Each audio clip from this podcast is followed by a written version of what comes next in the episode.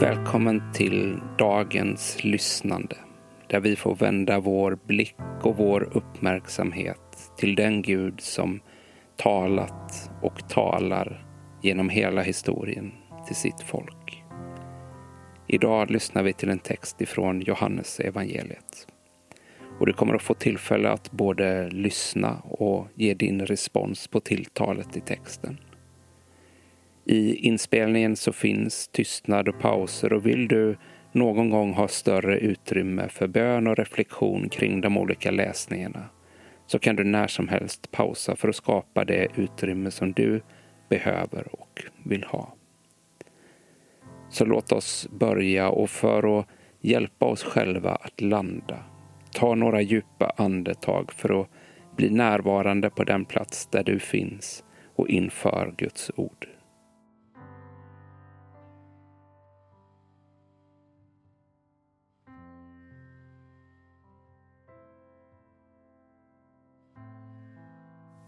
Vi ber tillsammans. Gud, du talade och världen blev så till. Helige Ande, vi tror att ditt tilltal väcker också oss till liv. Öppna våra öron så att vi känner igen dig och din röst, Jesus Kristus.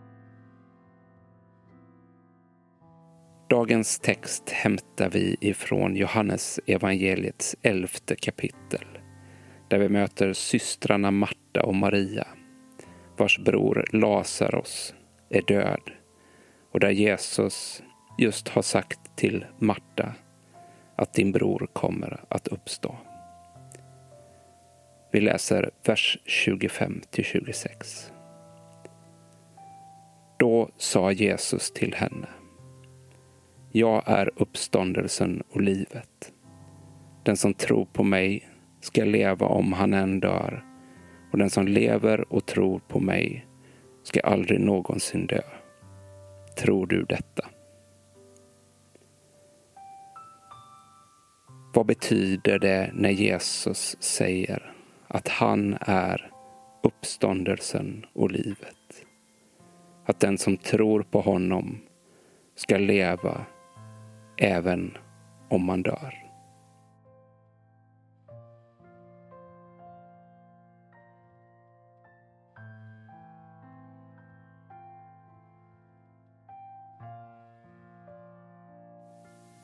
Inför den andra läsningen så ber vi den helige Ande att göra oss uppmärksamma på ett särskilt ord eller en mening i de här verserna som kan ha särskild betydelse för oss idag.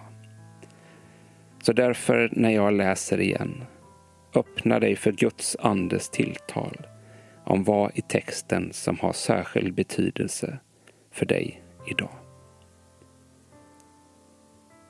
Då sa Jesus till henne. Jag är uppståndelsen och livet. Den som tror på mig ska leva om han än dör och den som lever och tror på mig ska aldrig någonsin dö. Tror du detta? Vilket ord eller vilken mening i den här texten står ut för dig? Viska det tyst till dig själv eller säg det högt. Eller om du vill, skriv ner det och bär med dig det under din dag.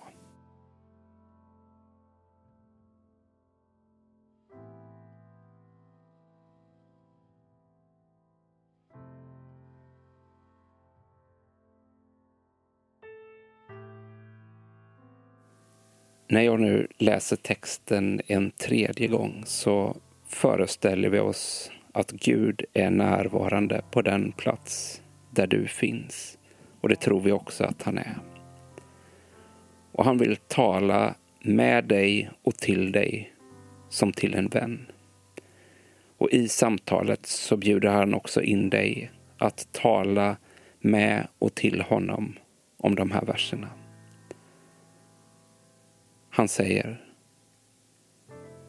Jag är uppståndelsen och livet. Den som tror på mig ska leva om han än dör och den som lever och tror på mig ska aldrig någonsin dö. Tror du detta? När Gud nu har sagt detta till dig, vilken blir din respons? Finns det frågor som väcks? Finns det tacksamhet eller frågor som du vill uttrycka?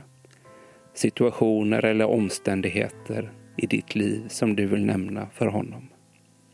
Gör det. Gör det tyst eller högt eller om du trivs med att skriva så kan du skriva ditt svar till Gud.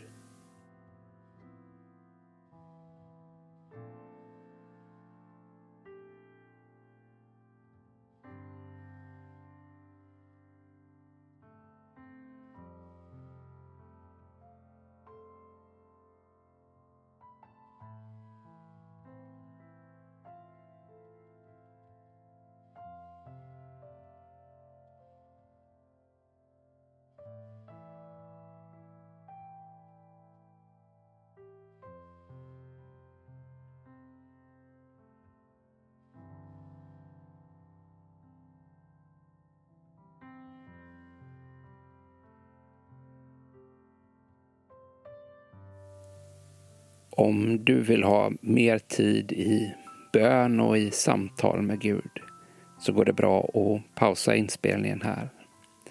Jag kommer att gå vidare till den fjärde och sista läsningen. Och nu läser jag texten långsammare för att ge tid och plats för den helige Ande att tala till dig och till djupet i ditt liv. Det är vår tro och vår övertygelse att det finns ett liv och ett tilltal som når också bortanför orden och som nu räcks oss. Då sa Jesus till henne. Jag är uppståndelsen och livet.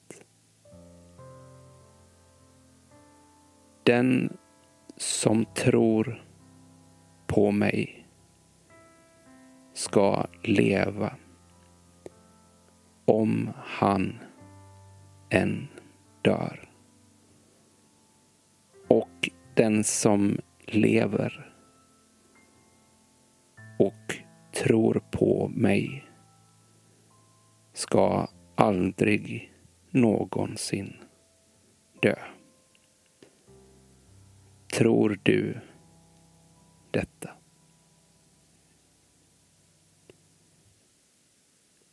Vi har nu tillsammans lyssnat till Guds ord. Och vår tro är att det är ett tilltal som vill färga och forma oss i det som vi möter idag. Tack för att du var med. Imorgon finns ett nytt avsnitt tillgängligt igen av lyssnandet. Ta så emot Guds välsignelse. Vår Herre Jesu Kristi nåd, Guds kärlek och den helige Andes delaktighet vare med oss alla. Amen.